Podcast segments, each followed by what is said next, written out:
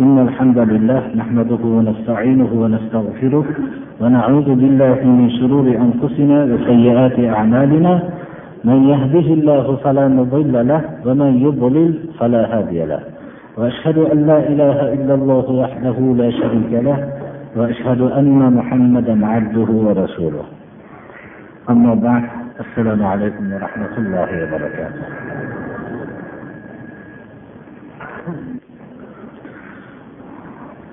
Alloh subhanahu va taolo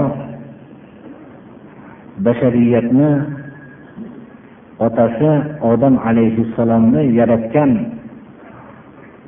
tortib to oxirgi muhammad alayhissalom davrigacha o'zining yaratgan maxluqlari bo'lmish insonlar bilan o'zining o'rtasida payg'ambarlarni doim elchi qilib ularga o'zining eng buyuk ne'matini vahiyni nozil qilib shu davrdan tortib bashariyatning qaysi bir saodat yo'li bo'lsa unga yo'llagan vahiyni nozil qildi qaysi bir zararli narsa bo'lsa ogohlantirdi.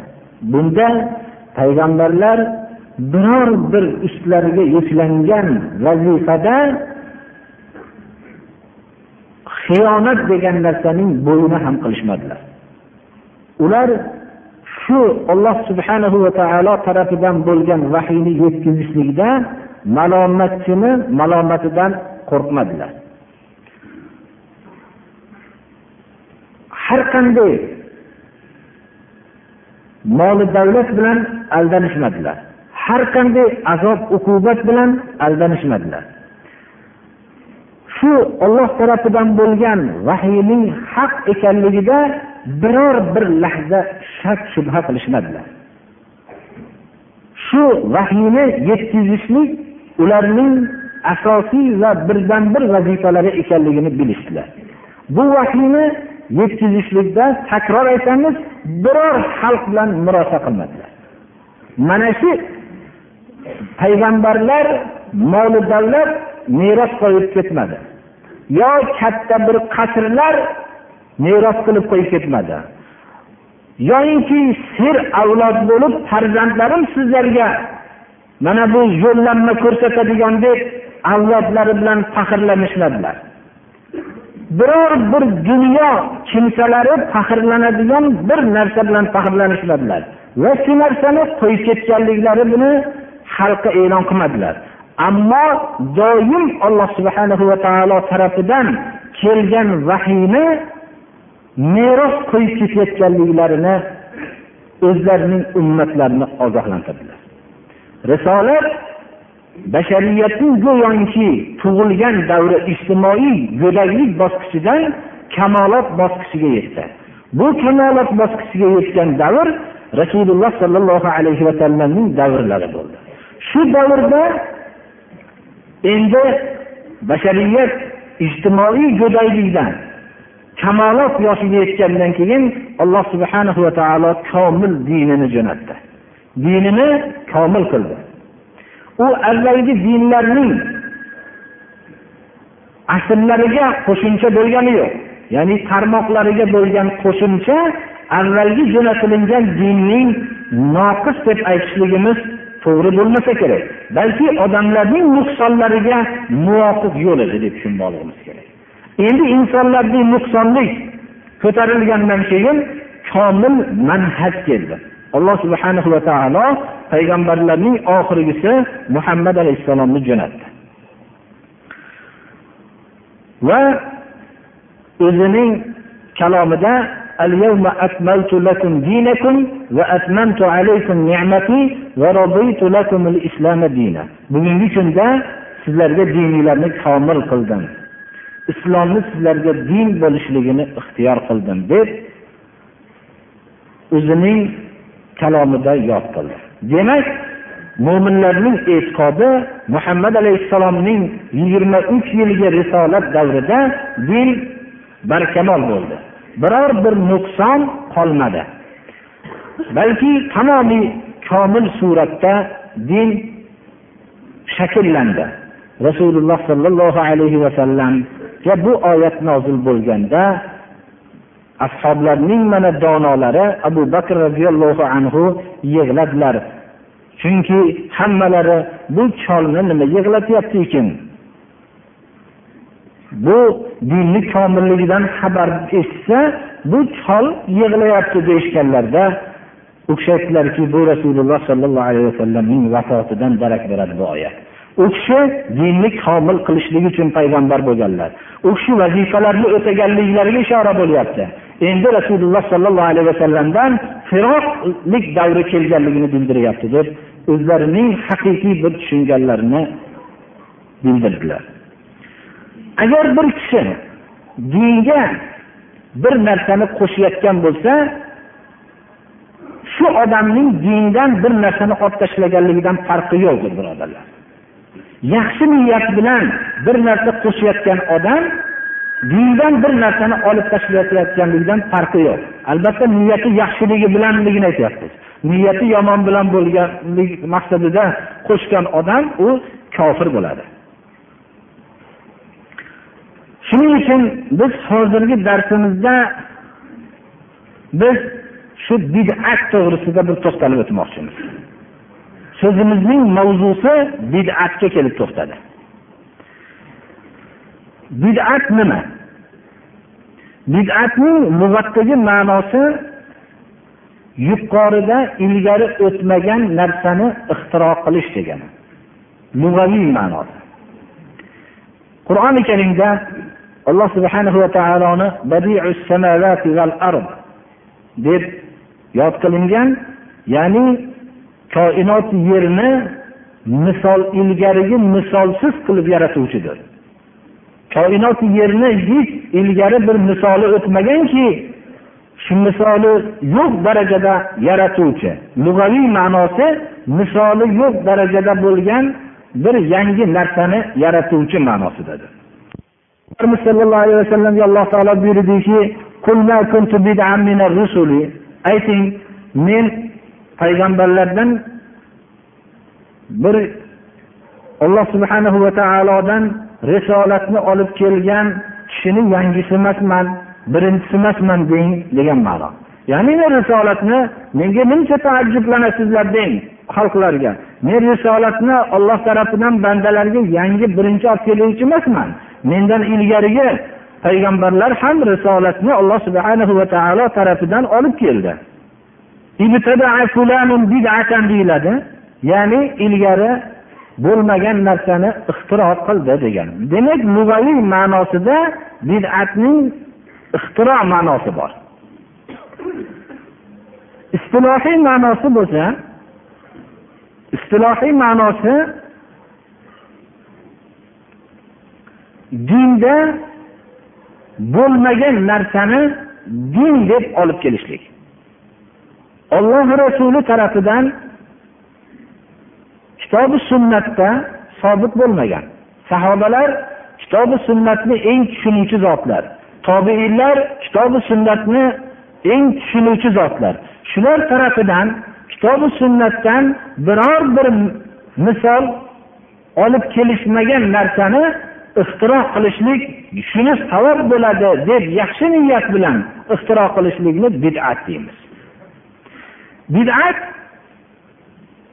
ikki qism bo'ladi. Ya'ni ixtiro qilishlik odatlarda ixtiro qilishlik mumkin va ibodatlarda ixtiro qilishlik mumkin. Bu odatlarda ixtiro qilishlik muboh narsadir. Biror bir odatda buni din deb emas bir odatiy narsani ixtiro qilishlik bu mumkin bo'lgan narsadir. Ammo dinda ixtiro qilishlik bu din deb ya'ni buni qilsa savob bo'ladi bu narsani tark qilsa gunoh bo'ladigan narsani din deymiz. Dinda ixtiro qilishlik bu haromdir. Chunki din dindagi asl tavqifiydir ya'ni olloh rasulining so'ziga bog'liq bo'lgan masaladir. Rasululloh sollallohu alayhi vasallam olib kelgan yo'l bo'lmagandan keyin bu narsani biz bid'at deymiz. Bundagi asos man ahdasa fi amrina ma laysa minhu ba'zi rivoyatlarda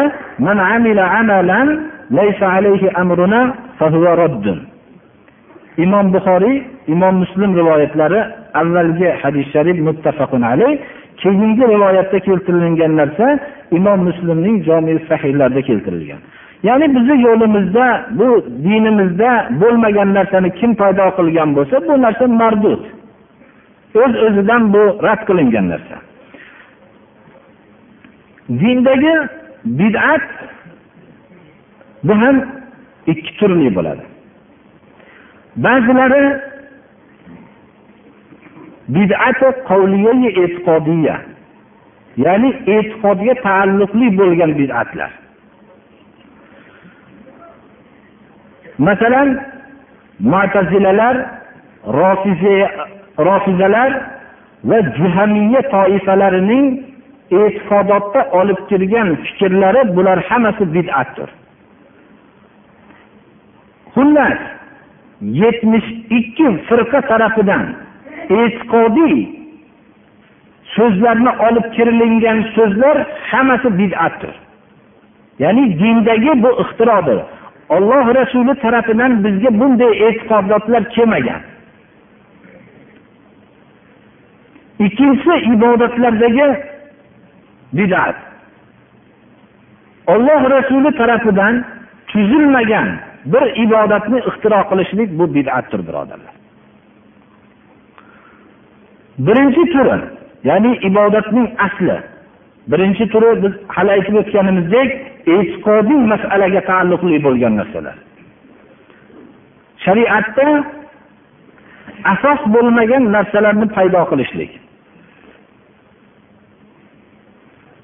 Masalan biz birinchisida aytdikki tubdan o'zi asli dinda yo'q bo'lgan narsani paydo qilishlik. Avvalgi turini uni ham ikki qismga bo'lamiz.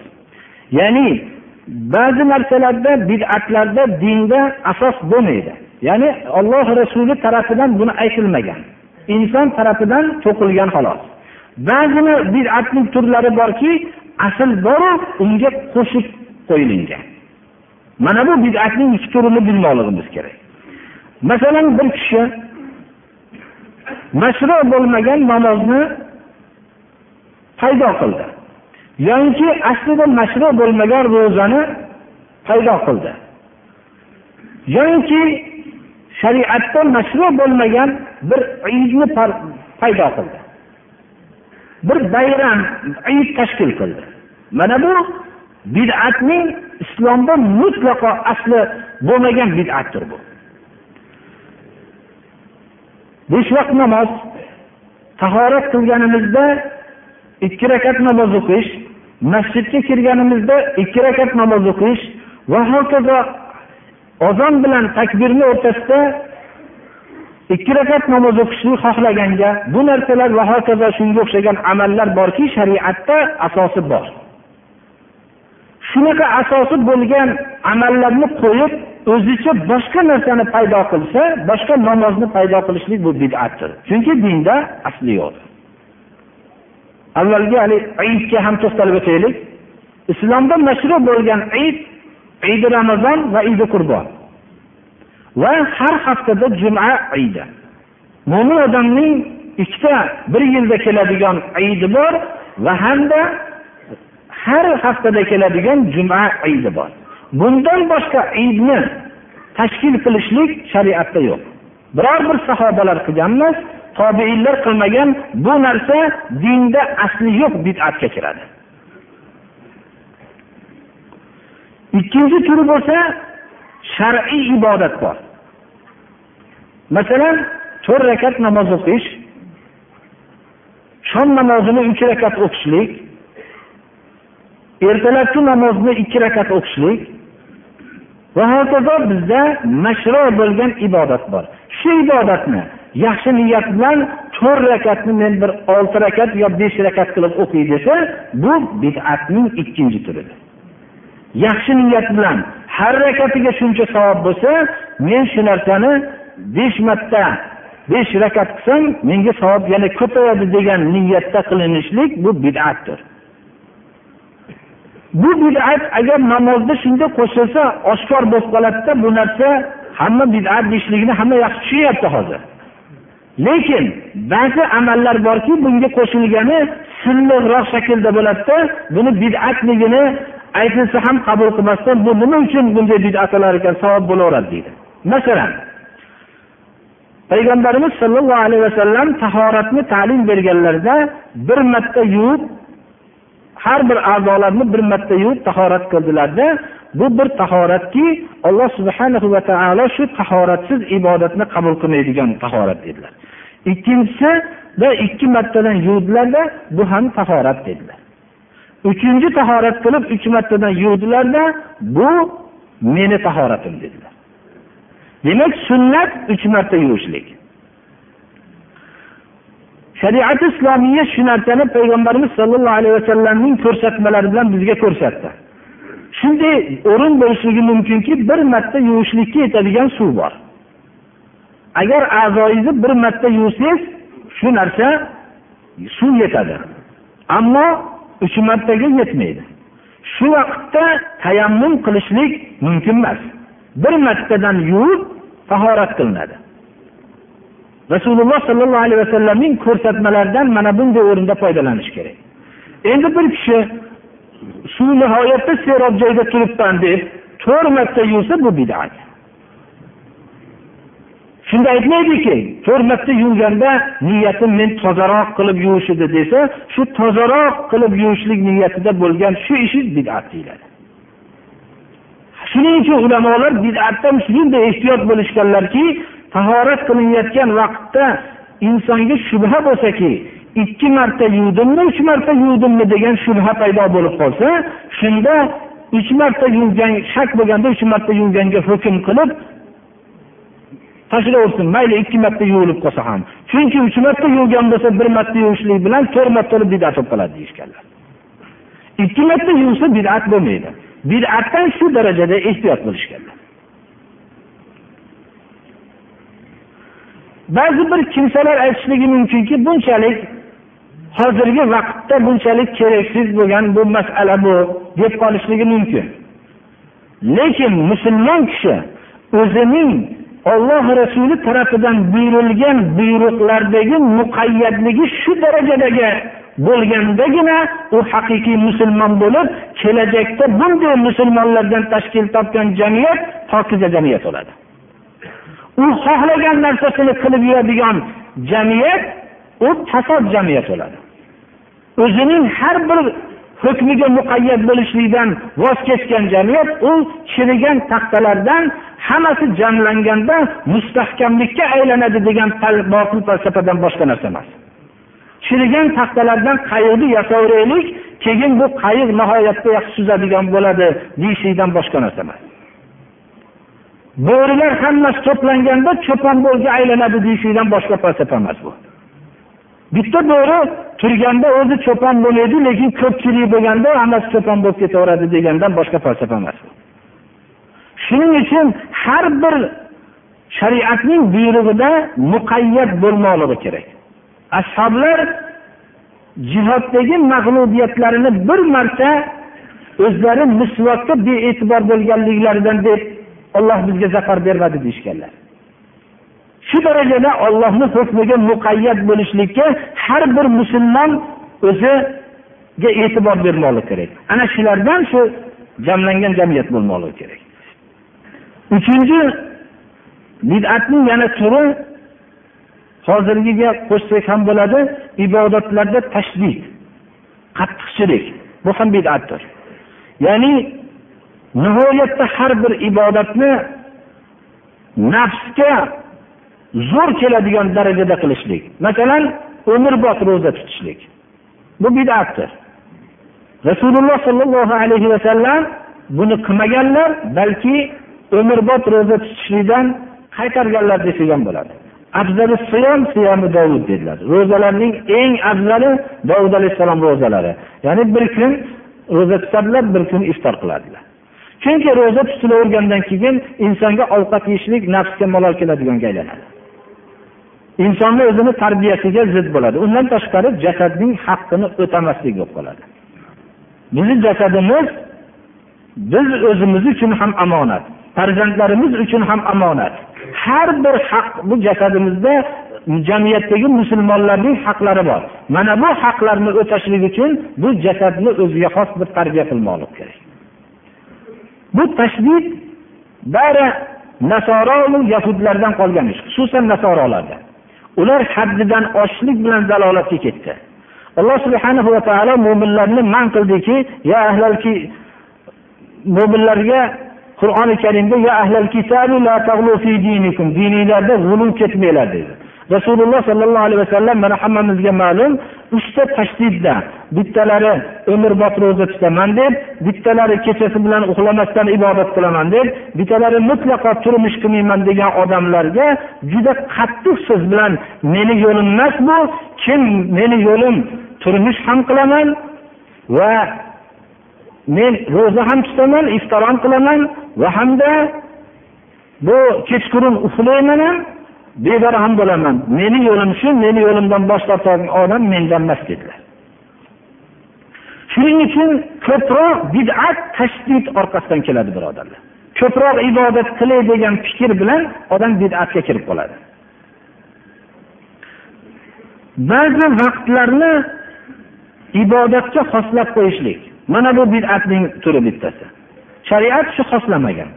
Masalan shabon kunini shabon ramazon oyidan ilgarigi oy barot kechasi deyishadilar barot kechasi deb aytilinadi. Shabon oyini o'n beshinchi kunida aytaylik shu kunni kechasi va kunduzisini ro'zayu kechqurunni butun ibodatga xoslash. Alloh rasuli tarafidan bizga bu kunni xoslangani yo'q birodarlar. Bir tarafdan olsangiz aslida nafl ro'za tutishlik savob. Kechqurunda bedor bo'lib ibodat qilishlik savob. Lekin bir kunni xoslab turib shunday qilishlik bu shariatda yo'qdir birodarlar. Inson bid'atga mana bunday yo'llar bilan tushib qoladi. Rasululloh sollallohu alayhi vasallam bid'atning hamma turidan qaytardilar.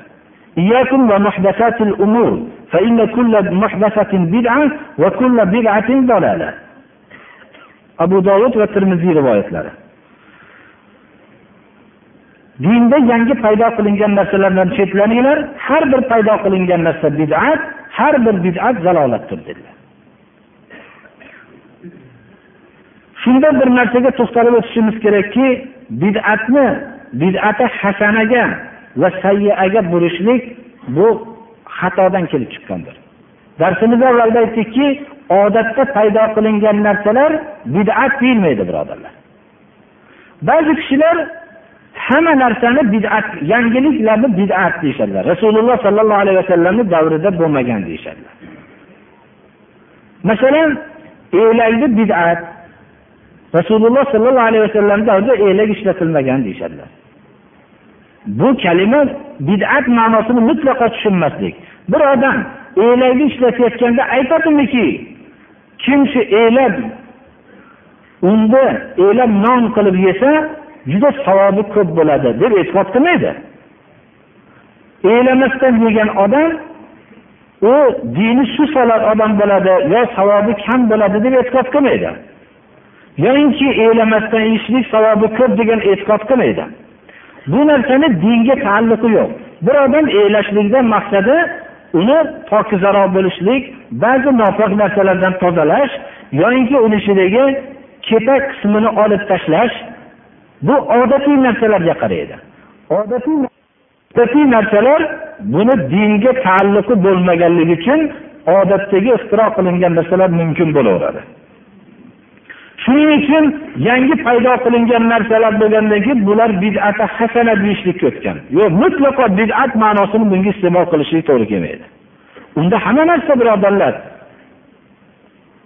bid'atga aylanib qoladi payg'ambarimiz sollallohu alayhi vasallam har bir bid'at zalolatdir deyaptilar bu haqda antum a'lamu dunyokum. Dunyo ishingizni o'zinglar yaxshi biluvchiroq biluvchiroqsizlar dedilar rasululloh sollallohu alayhi vasallam. Bid'atning musulmonlar hayotida paydo bo'lishligi. Payg'ambarimiz sollallohu alayhi vasallam bid'atning paydo bo'lishligidan ogohlantirdilar. aytdilarki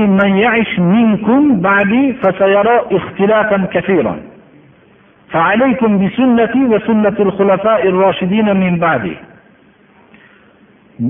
sizlarni ichinglarda kim yashasa mendan keyin yashaganlar dedilar demak mendan keyin yashaganlar deb yaqin vaqtda paydo bo'lishligini ogohlantirdilar ko'p qarama qarshiliklarni ixtiloflarni ko'radi Shu vaqtda meni sunnatimni mahkam ushlanglar va xulafoi roshidinni sunnatini mahkam ushlanglar dedilar.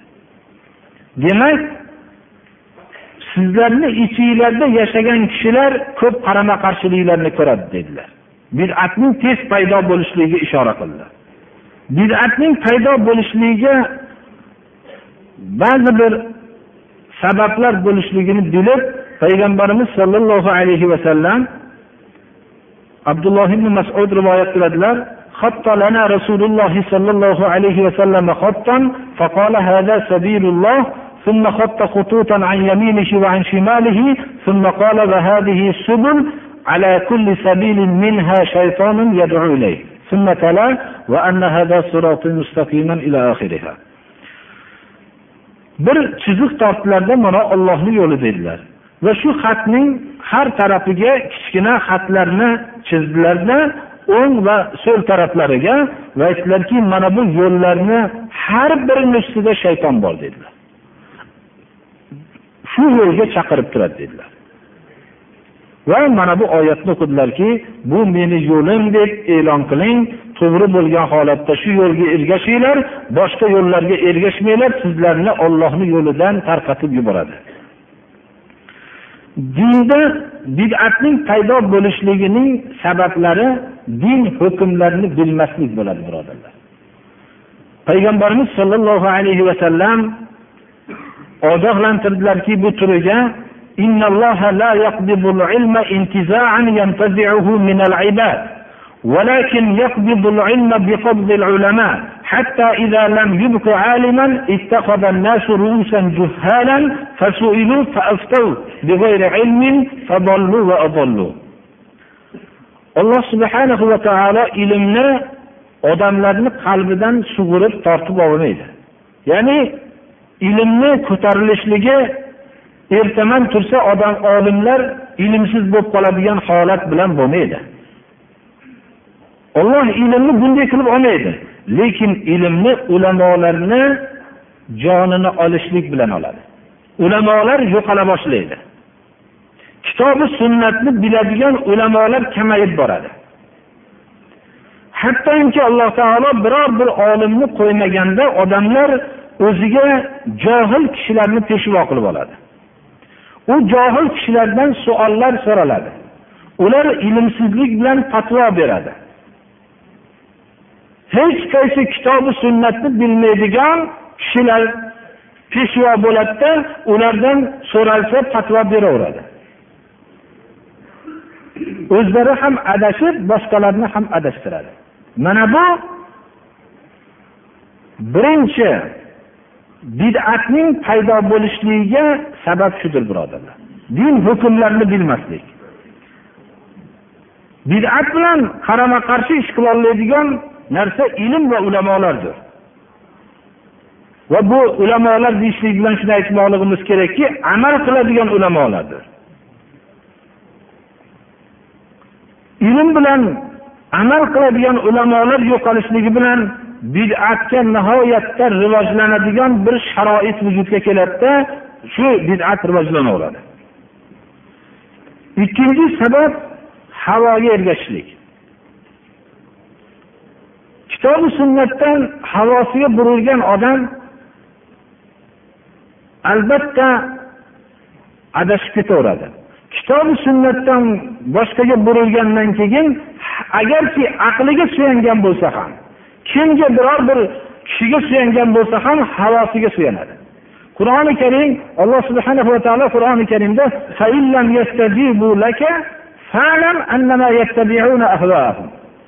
agar sizga ijobat qilmasa deyapti alloh taolo. Rasululloh sollallohu alayhi vasallamga ijobat qilishmasa odamlar deyapti ular shuni bilingki havolarga ergashgan. Boshqa narsaga emas birodarlar. Kim rasululloh sollallohu alayhi vasallamni yo'lini qabul qilmasdimi havosiniga ergashgan odamdir. Olloh buni qur'onda aytyapti.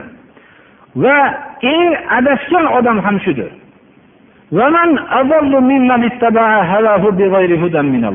Ollohni hidoyatini qo'yib havosiga ergashgandan ko'ra adashganroq kim deyapti? Shuni yaxshi bilaylikki kim rasululloh sollallohu alayhi vasallamga ergashmasa havosiga ergashgan va odamlarning ichida eng adashgani shu odamdir. Qur'oni karimda alloh taolo havosiga ergashgan odamlarni havosini o'ziga ma'bud xudo qilib olgan kishilar deyapti.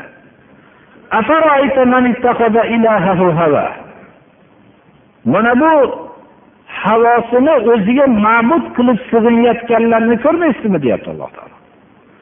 Ba'zi kishilarga aytilsa biz ma'bud qilib xudo qilganimiz yo'q deyapti. Alloh taolo uni rad qilyaptiki kim havosiga ergashgan bo'lsa havosini o'ziga iloh qilib olgan odam deyapti. وختم على سمعه وقلبه وجعل على بصره غشاوة فما يهديه من بعد الله qaysi bir odam havosiga ergashgan bo'lsa olloh rasulini so'zini qo'yib bu odam qulog'iga ham haq kirmaydi va qalbiga ham haq kirmaydi haqni tafakkur qilishlikdan mahrum bo'ladi. Haqni qalbi qulog'i eshitishlikdan mahrum bo'ladi. Va shu bilan birga haqni ko'rishlikdan ham mahrum bo'ladi.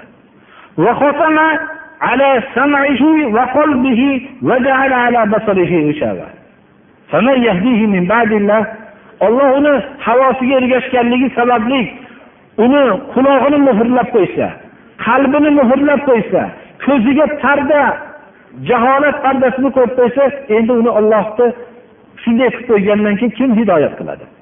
Shuning uchun havosiga ergashgan odam bilan munozara qilishlik u janjaldan boshqa narsani paydo qilmaydi birodarlar. Avvalo kitobi sunnatga ergashaman degan narsani davo qilolashligi kerak. Agar kitobi sunnatdan haq chiqsa men ergashaman degandagina u bilan bir munozara qilib haqqa yo'llasak bo'ladi. Bo'lmasam olloh uni qalbiyu ko'ziyu qulog'ini muhrlab qo'ygan u haq kirmaydi birodarlar. Uchinchi raylariga tarafkashlik qilish. Ba'zi bir kishilarniga tarafkashlik qilish. Hammani o'zini mahallasida katta bo'lgan shu mahalladagilarni o'ziga ummat qilib olgan shu bilan boshqa narsa yo'q birodarlar. Shu ra'yidan boshqa narsaga ergashmaydi. Alloh subhanahu va taolo bularni o'zini kalomida xususan otalarimiz bilmaganmi deganlarni ularni malomat qildi mazammat qildi.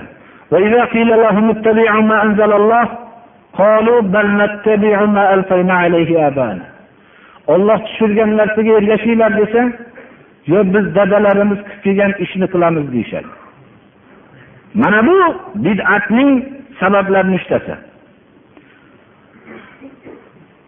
mana bu narsa rivojlangan narsa hech kim o'zini dadasini xato qilgan deb aytolmaydi hatto buni bid'atkorlar buni yaxshi bilishadida to'xta deydi sen dadangni adashgan deysanmi deydi. Unda munozarani bu maydonga olib kirmaslik kerak. Oldin biz olloh rasuli nima ekanligi nima buyurganligini bilib olaylik keyin dadamni adashganligini keyin masalasini hal qilamiz deylik. Bo'lmasam yo dadangiz adashgan bo'lishligi kerak yo olloh rasulini adashgan deyish kerak. Bu yerda bir masala qattiq bo'ladi birodarlar.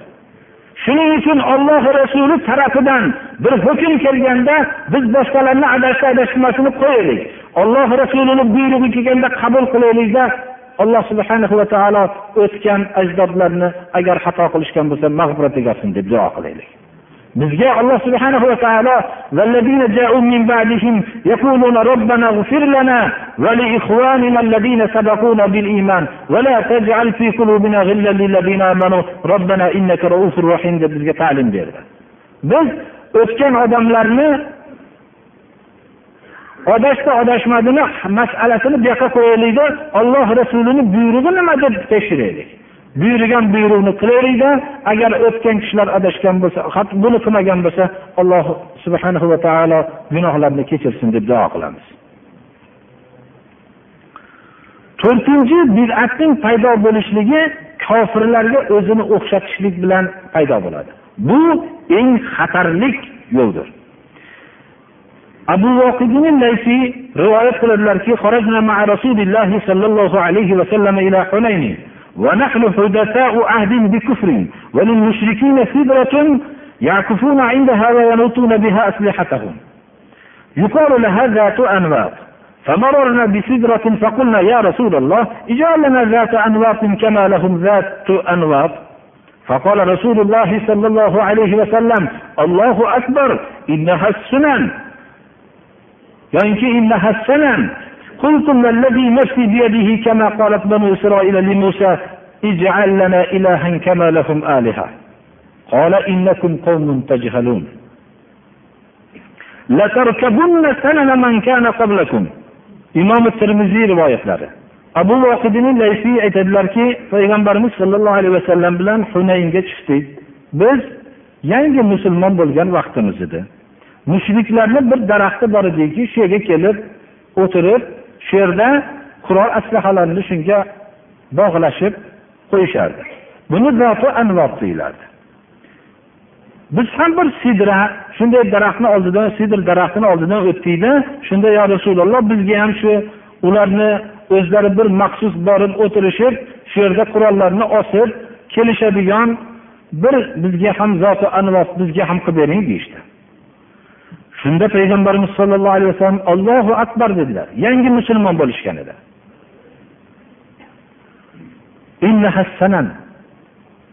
Bu avvalgilarni yo'li dedilar. Ruhim qo'lida bo'lgan zotga qasam ichib aytamanki dedilar bu so'z banu isroilning musoga aytgan so'zining ayni o'zi deyishdi dedilar.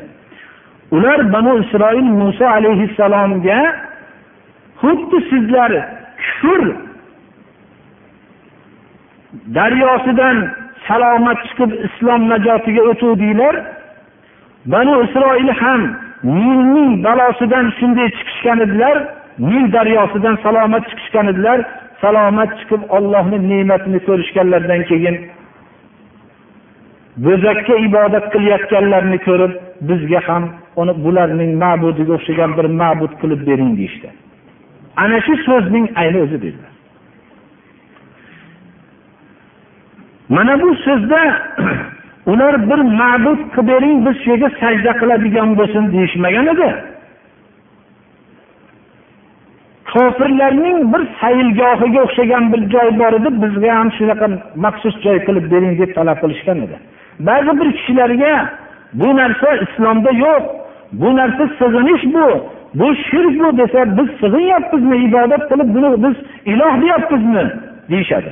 Masalan ollohdan boshqani nomiga so'yib bo'lmaydi desa men ollohni nomidan boshqaga so'yib men ibodat qilyapmanmi deydi. Ibodatni ma'nosi nima? Ibodat savob bo'ladigan narsani ibodat deymiz. Bu qo'yni so'yishingizdan biror bir savobni ham umid qilasizmi desa u savobni umid qilish u yoqda tursin bu bilan men jannatni xohlagan darvozasidan kirishlikni umid qilaman deydi.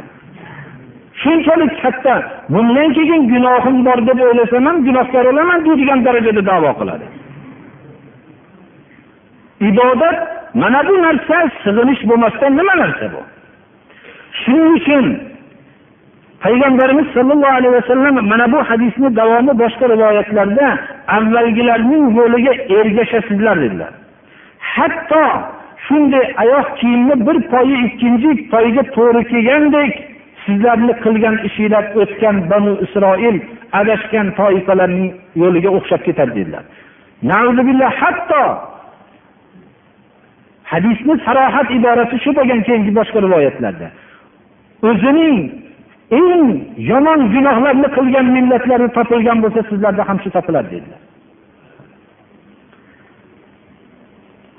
Shuning uchun bizda ko'p kishilar nima uchun boshqalar birovni tug'ilgan kunini nishonlanishadiyu bizdagi ulug' sahobalarni kunini tug'ilgan kunini nishonlash yo'q. Biz ham bir o'zimizning ulug' zotlarimizni tug'ilgan kunini nishonlaymiz deb darrov biz bir narsa paydo qilib olamiz. Va buni ibodat tusiga kirgizib odamlarga e'lon qilamiz. Mana bu narsa bid'atning paydo bo'lishlik sabablaridandir birodarlar. Hamiyat boshqalarning qilayotganini biz ham o'zimizga xos boshqacharoq o'zi islomiy shaklda deb aytay deb odamlarni o'zini tabiri bilan aytganimizda islomiy shaklda qilamiz deydi. Ular deydi mast qiluvchi ichimliklarni qator qilib qo'ygan bo'lsa biz deydi halol narsalarni qo'yib turib qilamiz deydi. Mana bu narsani natijasida bid'at paydo bo'ladi. Mana bu hamiyat orqali paydo bo'lingan bid'at xatarli yo'ldir birodarlar. Shuning uchun buni asli o'zi tashabbus bil kuffar bu kofirlarga o'zini o'xshatishlik orqasida bo'ladi. Agar birodarlar har bir kishini tug'ilgan ulug' kishini tug'ilgan kuni bo'lsa bu hamma odamni o'zini mahallasini ulug'i bor shaharini ulug'i bor. Har ulug'lar ko'payib ketadida bu uch yuz oltmish kun yetmay qoladi birodarlar. Shu bilan odamlar hamma hayoti tug'ilgan kunni nishonlashga chiqib ketadi. Jamiyat bir ma'nosiz bir jamiyatga bo'ladi. Birov o'nga kirganligi yigirmaga kirganligi o'ttizga kirganligi bu narsani nishonlanishlarini ko'rib turib musulmonlar ham shu hayotni hammasi chapani til bilan aytganimizda hayotni hammasi po'stinda chiqib ketadi. Hech bir ma'no qolmaydi. Ana rasululloh sollallohu alayhi vasallamni muhabbat izhor qilishlik yoki sahobalarga muhabbat izhor qilishlik u xohlagan umrida yemagan narsalarni oldiga qo'yib ashkuni ziyofat qilishlik bilan katta narsani muhabbat izhor qilmoqchi bo'lmasin birodar. U ham lazzatli narsalarni yeb ham o'zini hali xohlagan narsasini hayotida yemagan narsalarni paydo qilib turib shu bilan o'zini muhabbatini izhor qilmoqchi bo'lmasin. haqiqiy muhabbat qilaman degan kishilarga ollohni yaxshi ko'raman degan kishilarga alloh subhanahu va taolo قل إن كنتم تحبون الله فاتبعوني يحببكم الله ويغفر لكم ذنوبكم والله غفور رحيم agar ollohni yaxshi ko'rsanglar deng menga ergashinglar deng ergashing rasululloh sollallohu alayhi vasallamga muhabbat qilsangiz imom molik mana madinadagi eng faqih ulamolardan. Bu kishi rasululloh sollallohu alayhi vasallamga ergashishlikda juda namuna bo'lgan kishi bulardan bo'lganlar. Sahobalar payg'ambarimiz sollallohu alayhi vasallamga muhabbat qilishganlar u kishiga ergashganlar har bir amallarni shu kishini buyruqlariga muvofiq qilishganlar. Tobeinlar ergashganlar. Imom molik rasululloh sollallohu alayhi vasallamning bir hadislarini rivoyat qilayotganlar ranglari o'zgarib ketar ekan. Va tahorat qilgan holatda qiblaga qaragan holatda liboslarini to'g'rilab xushbo'ylanib turib bitta hadisni o'qib berar ekanlar. Payg'ambarimiz sollallohu alayhi vasallam bu hadisni aytdilar deb birov aytib qolsa u kishini butun ranglari o'zgarib ketar ekanlar. Hattoki imom molikni oldida bir hadisni rivoyat qilgani hammalari qo'rqar ekanlarki bu kishini hollari o'zgarib ketadi deb. Shunda so'rashdilarki bunchalik siz o'zgarasiz deganlarda men ko'rgan narsani ko'rganingda bu narsaga ajablanmasding degan ekanlar. Nimani ko'rgansiz degan juda oldilarida bir hadisni rivoyat qilib payg'ambarimiz sollallohu alayhi vasallamning nomlarini bo'lsa u kishi engishib qolar ekanlar. Holatlari shunday o'zlarida quvvatsizlanib shunday engishib qolar ekanlar. Yig'ib ketar ekanlar. O'zlari nihoyatda badsom bir shirin gap odamlarni kuldirib yuruvchi kishi bo'lishliklariga qaramasdan rasululloh sollallohu alayhi vasallamni nomlarini eshitishlari bilan yig'ib o'zlarini tutolmay qolar ekanlar. U payg'ambarimiz sollallohu alayhi vasallamga muhabbat qilishlik yoinki sahobalarga muhabbat qilishlik u kishini tug'ilgan kunlarini nishonlanishlik bilan bo'lmaydi birodarlar. Islom ummatining peshvolari sahobalar tobiinlar bidatga nisbatan qattiq turishganlar. ummi dardo rivoyat qiladilarki قالت دخل علي أبو الدرداء مغضبا فقلت له ما لك فقال والله ما أعرف فيهم شيئا من أمر محمد إلا أنهم يصلون جميعا imom buxoriy rivoyatlarida ummu dardo aytadilarki men oldimga abu dardo ya'ni turmush o'rtoqlarini kirganligini g'azab bilan kirib keldi uyga deydilar men aytdimki nimaga g'azablanyapsiz desam sahobalardan abu dardo rasululloh sollallohu alayhi vasallamni qilgan ishlaridan qolgan biror narsani bilmayapman magar jamoat bilan namoz o'qib turib xolos qoldi degan ekanlar shunga g'azablanyapman degan ekanlar imom malik oldilariga bir kishi keldilarda qayerdan ehrom bog'lay dedilar فقال من الميقات الذي وقت رسول الله صلى الله عليه وسلم وأحرم منه payg'ambarimiz sollallohu alayhi vasallam tayin qilgan miqotdan ehrom bog'lang. Uzoqroqdan ehrom bog'lasamchi dedilar. Shunda imom molik men bunga maslahat bermayman dedilar. Ya'ni yomonam ko'rmaysizmi dedilar. Ya'ni buni maslahat bermasangiz buni ishni qilsam yomon ham ko'rmaysizmi deganlarda seni ustingda fitnadan qo'rqaman dedilar bir yaxshilikni men yana ham uzoqroqdan ehrom bog'lasam qanaqa bir fitna bor bu yerda yaxshilikni ko'p qilsa ham fitna bo'ladimi dedilar shunda فقال مالك فإن الله تعالى يقول فليحذر الذين يخالفون عن أمره أن تصيبهم فتنة أو يصيبهم عذاب أليم alloh subhanahu va taolo mana bu joyda rasululloh sollallohu alayhi vasallamning buyruqlariga qarama qarshi ish qilganlar fitna yetib qolishlikdan ehtiyot bo'lishsin. Yoyinki alamlantiruvchi azob yetadi ularga. Mufassirlarning ko'plari fitnani dunyoda deyishganlar. Qaysi millat qaysi jamoada rasululloh sollallohu alayhi vasallamning buyrug'i tark qilingan bo'lsa unga fitna yetadi. Yoyinki yoki alamlantiruvchi azob. bu oxiratdagi deb shunday deyishgan ekanlar وأي فتنة أعظم من أنك خصصت بفضل لم يختص به رسول الله صلى الله عليه وسلم bundan katta qaysi fitna borki sen rasululloh sollallohu alayhi vasallam xoslanmagan bir ishni sen xos qilib qo'yyapsan ya'ni boshqa yerdan ehrom bog'lash kerak deb o'zingcha bir yo'l tuzyapsan dedilar Bundan murod birodarlar boshqa uzoqroqdan ehrom bog'lasa ehromi ehrom bo'lmaydi degani emas. O'zining har bir amalini rasululloh sollallohu alayhi vasallamning buyrug'iga muqayyat qilishlikka harakat qilmoqlik kerak bismillahi rohmanir rohim usmon ibn affon roziyallohu anhuning ba'zi bir manoqiblaridan o'qib beraman.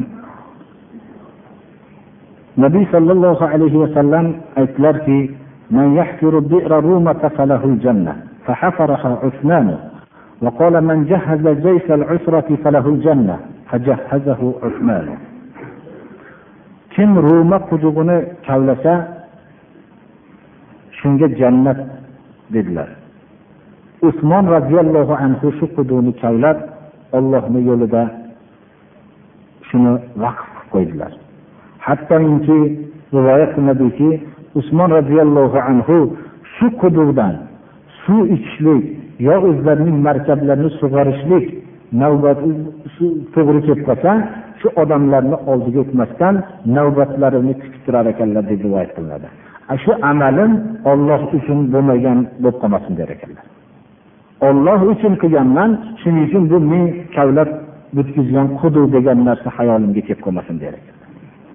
Jaysul usro deyiladi tabuk g'azotida nihoyatda bir kambag'al bo'lishganlar sahobalar. Xurmo madinada pishgan vaqti bo'lgan madinadagi kishilarning asosiy daromadlari xurmoni sotishlik bo'lgan. Shu xurmoni sotishlik keyin daromad qilishardilar. Xurmo uzilmagan pishib turgan ramazoni sharif bo'lgan tabukka jihodga ketayotganlarda kim shu jaysh lashkarda ko'p jihozlar bo'lmagan shu jihozlar bilan kim jihozlasa jannat unga lozim dedilar. Usmon roziyallohu anhu shu yerda hammalarini markablar bilan hamma narsalari bilan jihozlaganlar. Jannat lozim bo'ladi deb usmon roziyallohu anhu shu mukofotni olgan ekanlar. Usmon roziyallohu anhuga rasululloh sollallohu alayhi vasallam aytgan ekanlarki jobir ibn abdulloh rivoyatlari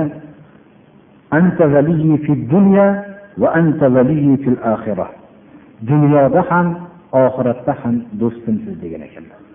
Hozirgi mana jayshul usra tabuk g'azotidagi voqeada payg'ambarimiz sollallohu alayhi vasallam minbarda turib deydilar abdurahmon ibn habbobin silamiy jayshul usraga targ'ib qildilar ya'ni shu jihozlashlikka.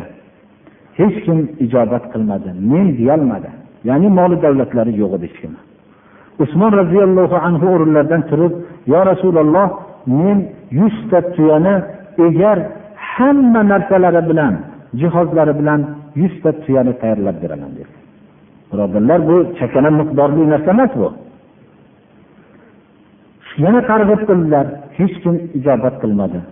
Usmon roziyallohu anhu yana o'rinlaridan turib men ikki yuzta tuyani jihozlab beraman dedilar.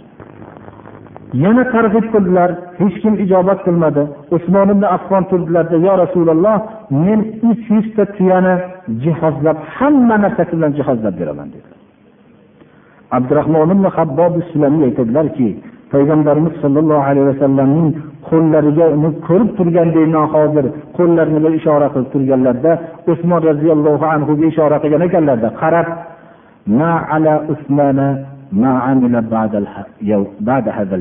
endi o'smon bu kundan keyin qanaqa qilib yashasa yashasin degan ekan.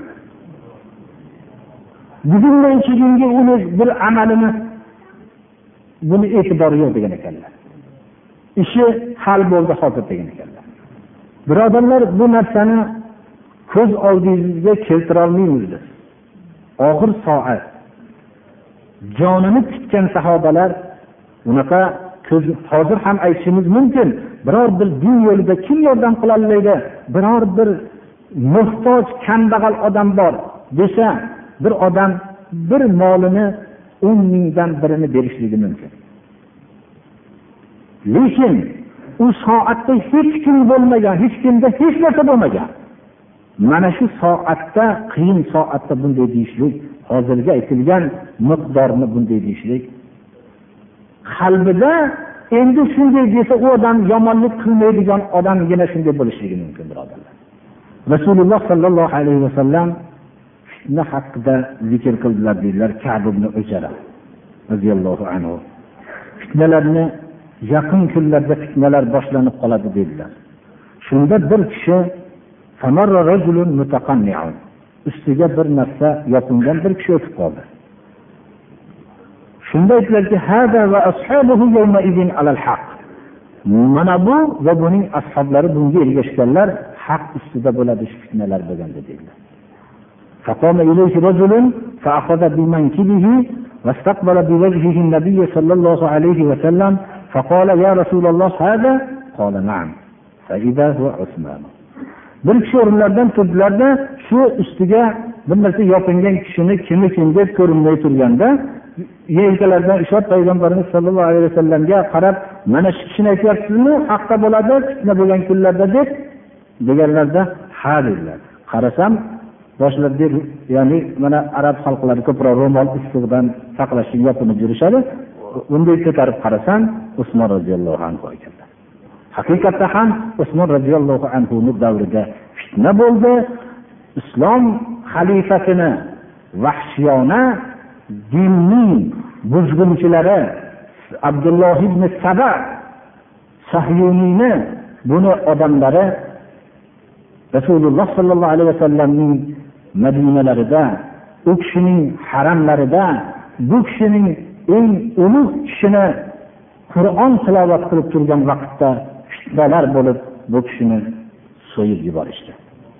Mana shunda fitnalarni gapirib mana bu va uning ashablari haqda bo'ladi dedilar. Qarasam usmon roziyallohu anhu ekan dedilar. O'sha edilar islomning xalifasiga tig' ko'tarishinglar bilan najot topolmaysizlar alloh subhanahu va taolo sizlarga najot bermay qo'yadi dedilar. Allohning mo'jizasi sodir bo'ldi buni birodarlar. Musulmonlar qaytib najot topisholmay qoldilar. oysha roziyallohu anhodan rivoyat qilinadiki bu kishi aytadilarki rasululloh sollallohu alayhi yad'u li illa li ibn affan fa yad'u ya'ni yad'u hatta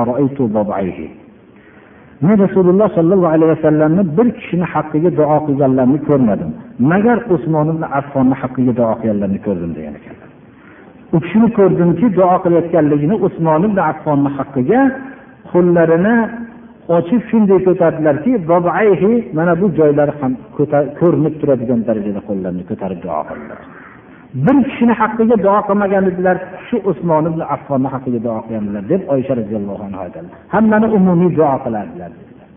Payg'ambarimiz sollallohu alayhi vasallam usmon ibn affonni haqida bayatur rizvonda makkaga keldilar.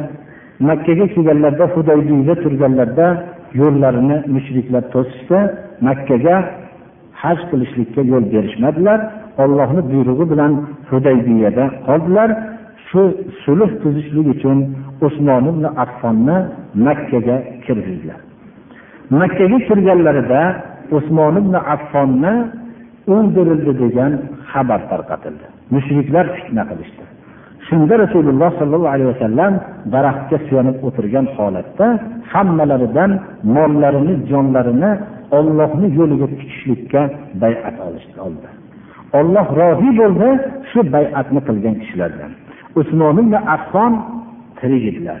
U tuzuk gap edi shunda bu gap usmon ibn affonni tiriklik tarafini hisobga olib turib aytdilarki payg'ambarimiz sollallohu alayhi vasallam aytdilarki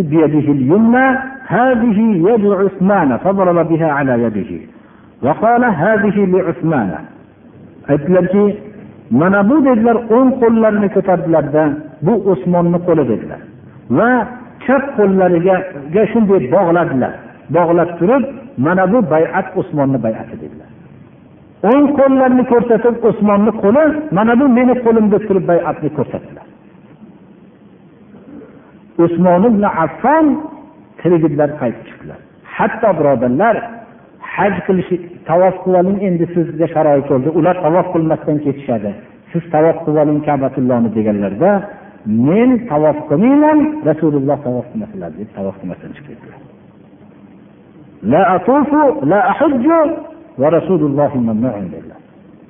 rasululloh sollallohu alayhi vasallam رقية ابنة رسول الله صلى الله عليه وسلم امرأة عثمان بن عفان وفي يدها مشط. فقالت خرج من عندي رسول الله صلى الله عليه وسلم آنفا رجلت رأسه.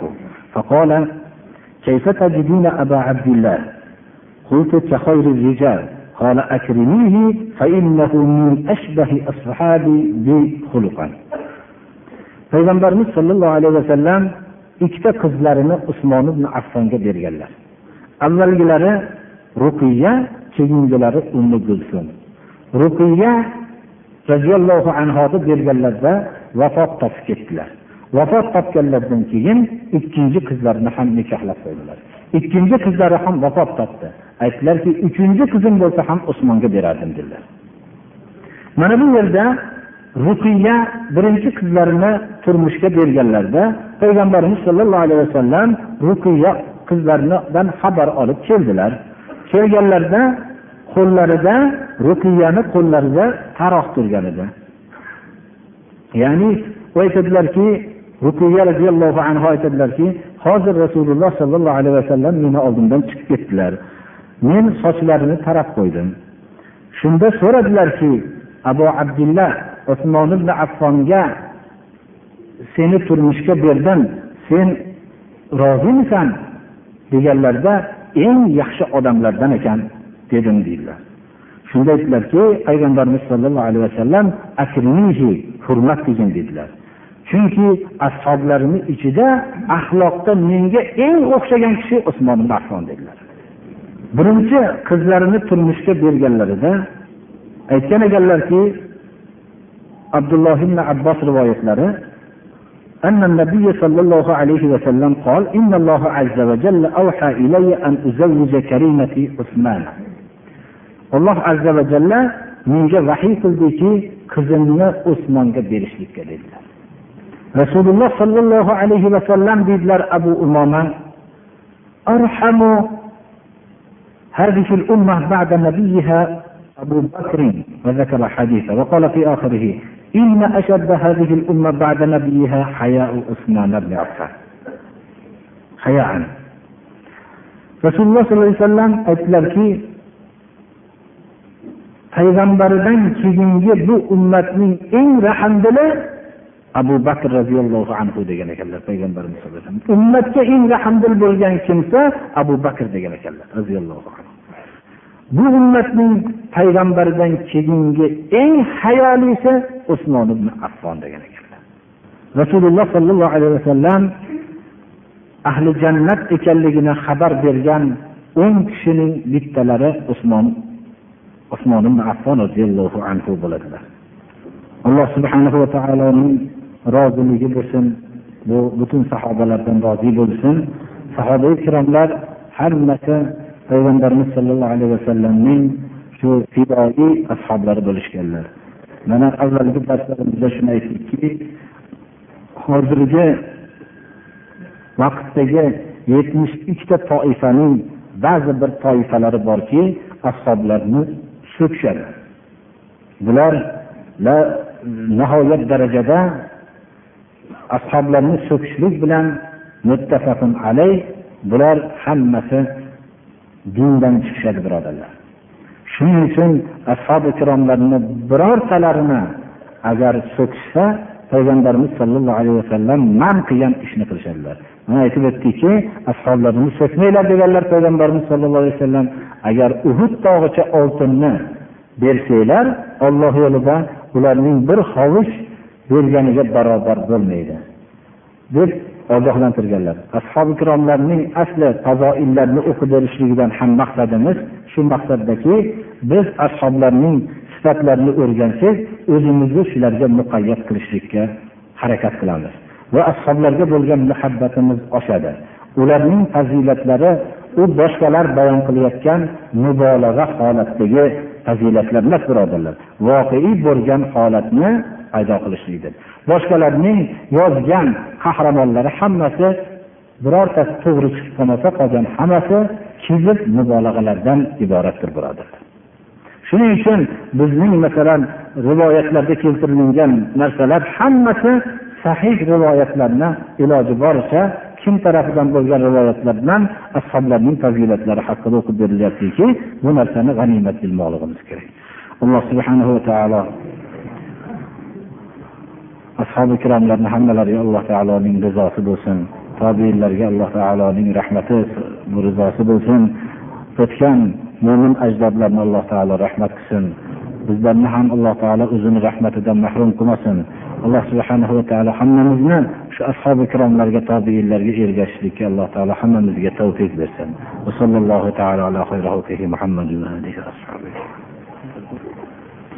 Ho'p bu yerda bir kishi Eid namozi juma kuniga to'g'ri kelsa, shunda biror qurbonlik qilinsa bo'ladimi deb. Biz shuni aytamizki, Eid qaysi kunga to'g'ri kelishligi bilan ishimiz yo'q. Eid qaysi kunga qaysi yilda to'g'ri kelsa ham biz birinchi, ikkinchi kunlarida bu qurbonlik ayyomi tashrif kunlarida qurbonlik qilaveramiz. Juma kuni bo'lsa juma kunida. Lekin yana aytib o'tganmizki, juma kunida ozon aytilingandan keyin bu ozondan keyin bay oldi sotdi qilishlik mumkin emasligidan kelib chiqqan. Odamlar shu jumagacha so'may turgin deganligi shunaqa bo'lmasa jumani ozon aytayotganda ham odamlar tiriklik qilaveradi.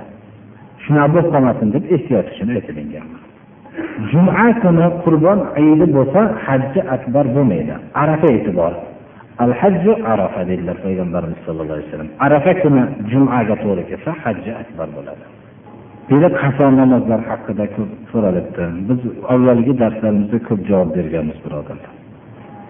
Masalan, bir odam o'zini ayolini janjallashgandan keyin deb so'rabdi, taloq qilaman yo javobini beraman deb qattiq niyat qilgan bo'lsa, keyin bir bo'lib ketishib qolsa, shu achchiq ustidagi agar niyat qilgan bo'lsa, birodar, u hech qanday niyatga javob bermaydi ichidagi narsaga. Lekin o'zi eshitadigan darajada gapirib qo'ysa birov eshitmasa ham taloq bo'lsa taloq oladi. Gunoh bo'lsa gunohkor bo'ladi odamni diliga kelgan narsalar dunyodagi hamma yaramas narsalar ham diliga kelaveradi bunga inson javob bermaydi. Alloh taolo toqatdan tashqari narsaga bandani taklif qilmadi. Burada jaynamozlardan namoz o'qil bo'ladimi deb so'radilar. Jaynamozlar o'sha Arabistondan keyin jaynamozlarda kabatullohni rasmi bor. Shuni oyoq osti qilib, ustiga chiqib shu bosilishlik sal ehtiromga zid bo'lib qolmasin degan ma'noda aytilgan. Bir odam bu Ka'batullohni e, shaklini oyog'ini tagiga qo'yib hech kim ibodat qilmaydi. Endi u mabodo buni xorlayman degan odam Qur'onni ham xorlaveradi varoqlarni irgitib, u jaynamozni ham boshqa narsani hamda. Lekin uni u bir odamni xorlashligi bilan u mumkin emas bo'lib qolmaydi mo'min odamni qalbida kabatullohni albatta oyog'ini ostiga qo'ymaydi hech qachon Demak, besh vaqt namozga beshta tahorat qilish to'g'ri so'rabdi. Tahoratni ya'ni doim qilib o'qishlik eng yaxshi savoblarga kiradi. Rasululloh sollallohu alayhi vasallam aytdilarki, gunohlarni kaforat qiladigan, hasanotlarni ziyoda qiladigan narsaga bering dedilar deganlarda, bering deganlarda ikroh qiyin vaqtida tahorat qilish va tahoratni komil qilish dedilar ya'ni har namozga tahorat qilish sal odamga malolati kelib qolgan vaqtda malolatni tashlab xususan sovuqlarda tahorat qilib olib namozni o'qib olib keyin tahoratni sindiraman deydigan qilib namoz o'qishlik makruhdir birodarlar. Tahorati aniq bo'lsa albatta esa unga lozim emas. Lekin tahorat qilib ko'proq tahorat qilib yurishlik bu hozirgi aytgan hadisga to'g'ri keladi. Shariatda haraj yo'q birodarlar. Shu qo'yni so'yishlik qaysi kun bo'lsa so'yishlikka ruxsat bo'lgan kunlarda xohlaganda so'yaverishi kerak. Afzal afzal emas deyishlik bu masalan bir kishi o'zi qo'yni so'yishlikka qodir bo'lsa borib so'yib shundan bir e, iste'mol qilishligi sunnatga muvofiq bo'ladi. Ho'p o'zini nobud qilgan odamga ta'ziya bildirsa bo'ladimi deydi o'zini nobud qilgan odamga shariati islomiyada ulamolar namoz janoza namozini o'qimaslik kerak deganligi bu siyosatdir birodarlar. Endi bormaslik afzaldir. Chunki o'zini hayotini nobud qilgan odamga siyosatan janozasini o'qimaslikka harakat qilish kerak. Lekin aslida o'qishligiga ruxsat bor lekin o'qimaslikka harakat qilishlik kerak hamma. Umumiy odamlar xususan katta hurmatli odamlar bormasligi kerak. O'zini o'zi nobud qilgan odamga. Lekin janoza mutlaqo o'qib bo'lmaydi degan so'z emas ba'zilar deydilar bir hadisda ba'zi narsalar darsga davo debdilar shu durustmi dedilar albatta masalan payg'ambarimiz sollallohu alayhi vasallam aytdilarki har bir alloh taolo dardni yaratdi va dardga davo yaratdi davolaninglar dedilar.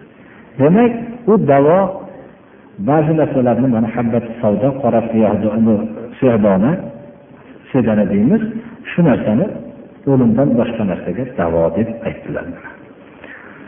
Shunga o'xshagan ba'zi narsalarni bir ovqat yeyotganlarda bir kishi kasalman dedi munondan yegin dedilar. Bu senga foydaliroq deb qo'ydilar.